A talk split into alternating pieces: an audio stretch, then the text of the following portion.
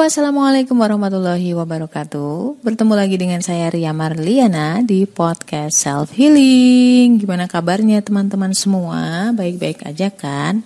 Lagi butuh curhat nggak? Cela Sobat kamu yang mungkin lagi butuh banget ngobrol atau dengerin orang ngomong Kamu bisa banget ada di sini karena di sini gue bakal banyak ngobrolin tentang hidup tentang life, terutama tentang psikologi wanita, gimana caranya biar kita sama-sama uh, apa ya? Stronger together. Apa sih stronger together itu? Ya kayak kita bisa sama-sama menguatkan gitulah. Even kita aku mungkin nggak bisa chat secara langsung lewat podcast atau kamu nggak bisa reply langsung di podcast ini tapi kamu udah bisa dengerin suaraku aku juga udah bisa ngomong share ke kamu. Itu udah suatu terapi sih buat saya. Jadi aku kadang-kadang uh, seneng ngepodcast karena memang selain aku senang berbagi gitu udah passion gue itu pengen pengen berbagi tentang kisah perjalanan. Bukan kisah perjalanan sih tapi apa yang aku pelajari dari hidup dan bisa ngebantu kalian ketika punya masalah yang sama itu udah buatku itu udah udah meaning banget gitu loh. Itu sih sebenarnya. Dan for information kali ini aku bakal ngebahas tentang uh, mungkin tips ya buat kamu yang sedang merasa buntu jadi buat kamu yang saat ini benar-benar lagi kenceng banget kepalanya, terus kayak urat saraf yang di tengkuk tau nggak? Tengkuk tuh tau nggak? di bawah ke otak kecil itu kamu kayak agak kenceng gitu, terus tensimu naik, uh, itu tanda-tanda kamu stres ya sebenarnya. Dan ini semoga bisa ngebantu kamu, so kamu jangan ke mana-mana, kita bakal bahas bareng-bareng, semoga bisa ngebantu kamu juga ya. Jangan ke mana-mana ya, Stay tune!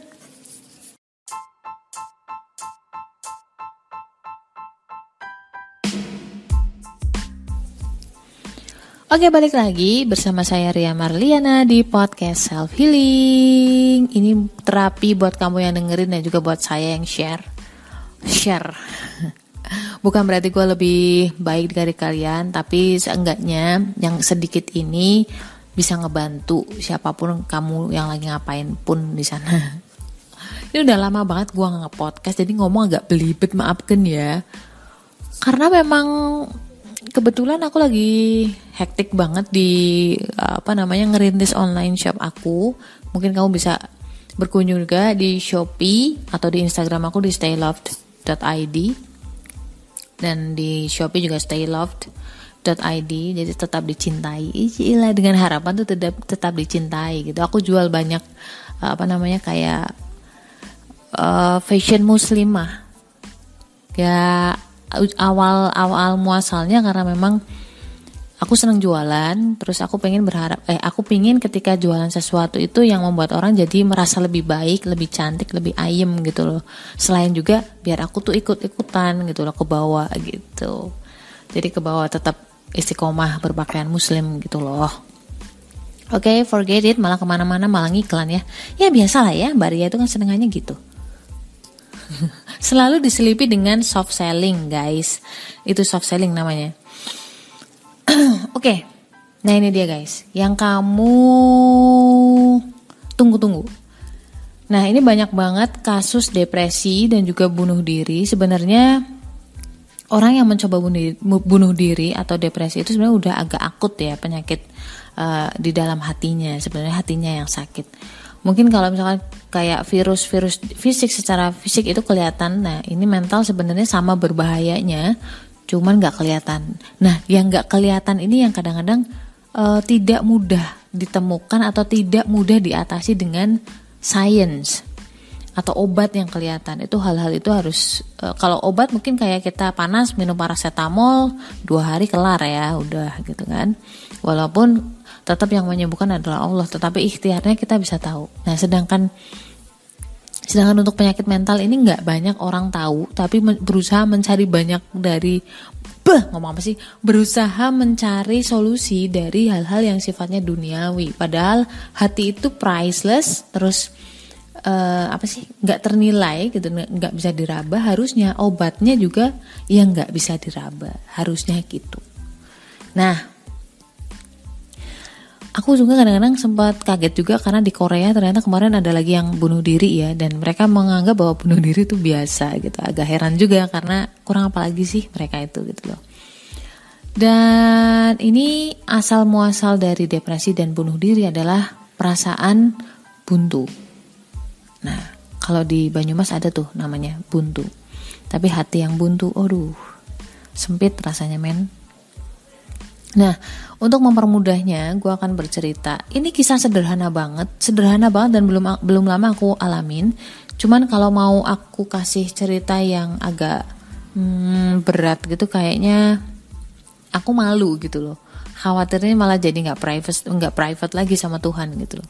Jadi aku cerita yang biasa aja.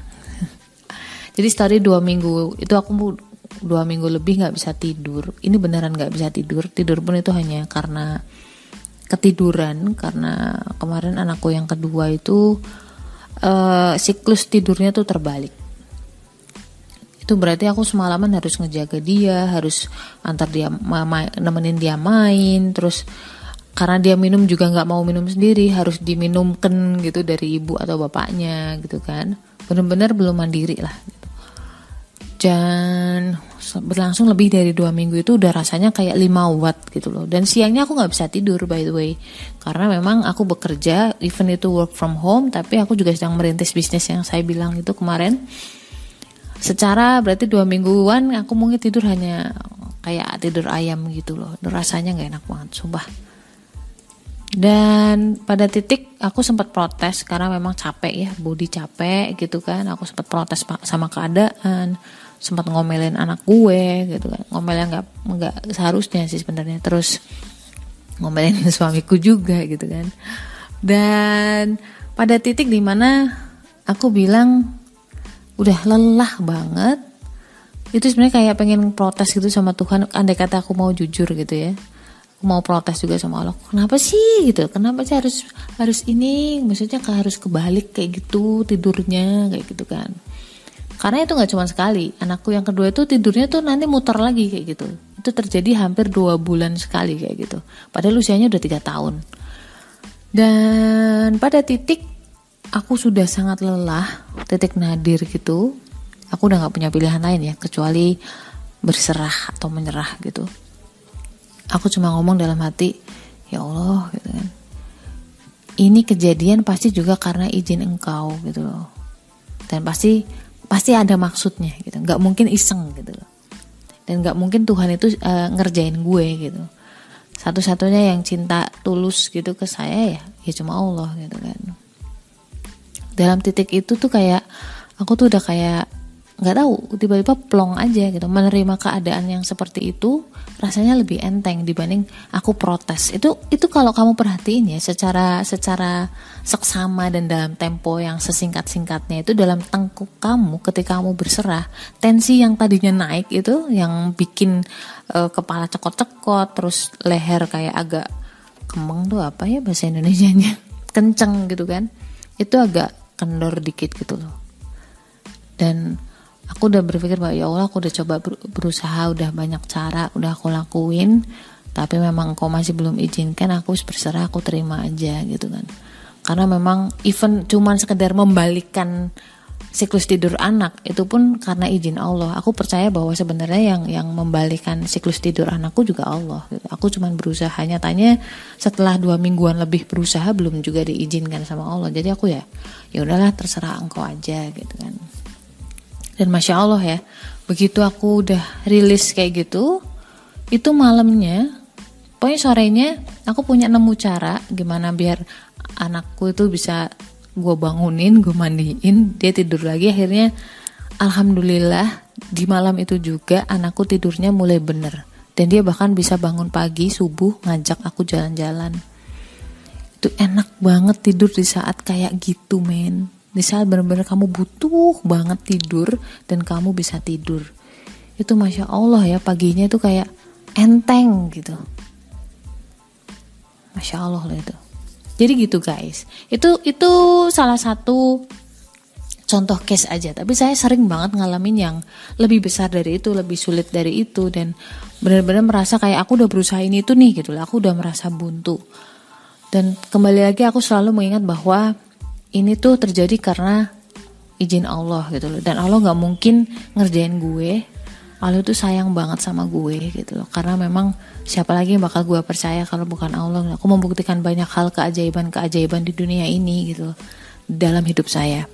Dan kemudian aku percaya yang terakhir adalah bahwa uh, solusi itu datangnya dari Allah. Ikhtiar memang kewajiban kita atau sebagai apa ya kayak uh, lu komit gak sih sebenarnya atas doa kamu? Kayak gitu loh. Ikhtiar itu nggak cuma sekedar uh, misalkan kayak mau ranking satu gitu.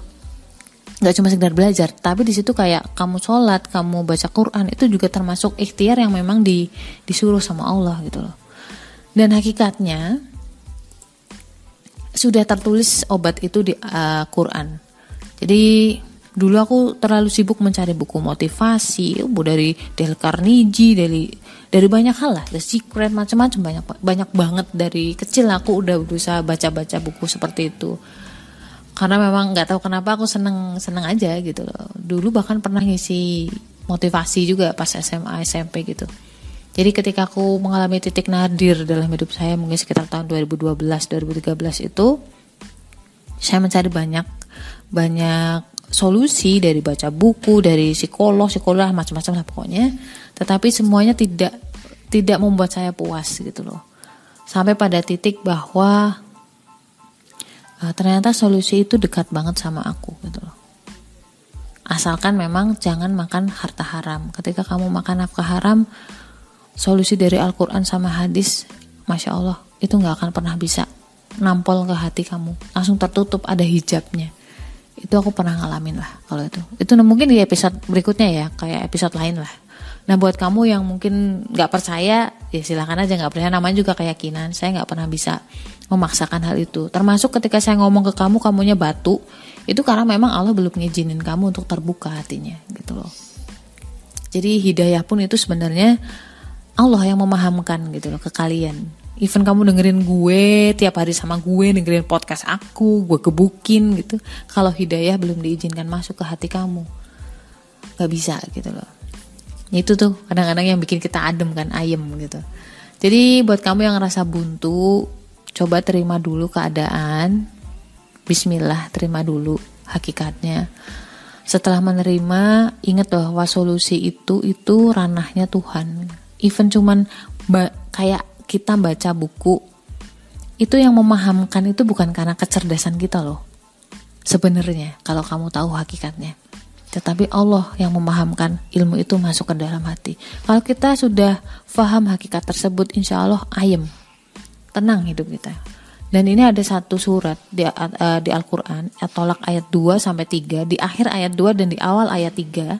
Barang siapa bertakwa kepada Allah, niscaya dia akan membukakan jalan keluar baginya, dan dia memberinya rizki dari arah yang tidak disangka-sangkanya. Dan barang siapa bertawakal kepada Allah, niscaya Allah akan mencukupkan keperluannya. Dan sesungguhnya Allah melaksanakan urusannya. Buat saya ini pegangan hidup ketika benar-benar lagi down, aku buka lagi, baca lagi, telaah lagi.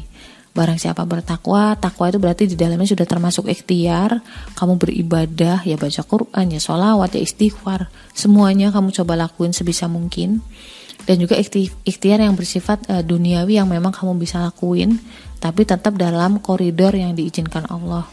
Kemudian setelahnya itu kamu yakin bahwa setelah itu tawakal berserah bahwa solusi itu datangnya dari Allah. Itu nanti Allah yang mencukupkan kamu. Hatimu langsung auto lapang gitu itu coba deh kamu coba kayak gitu. Jadi kayak sekarang mungkin pasangan kamu atau suami kamu nyebelinnya minta ampun itu doa aja sama Allah. Memang Allah lagi uji seperti itu. Gitu guys kira-kira.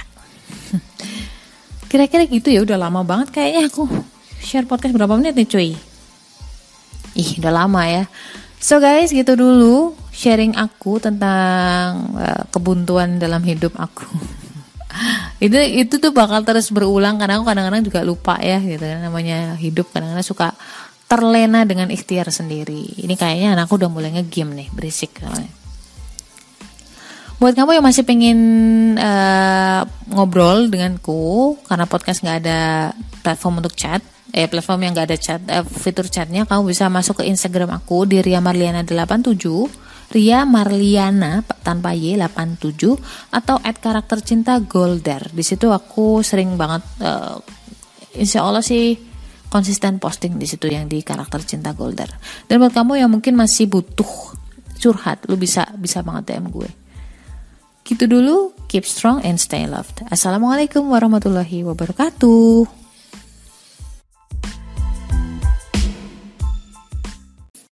Punya masalah, curhatin aja di podcast Self Healing.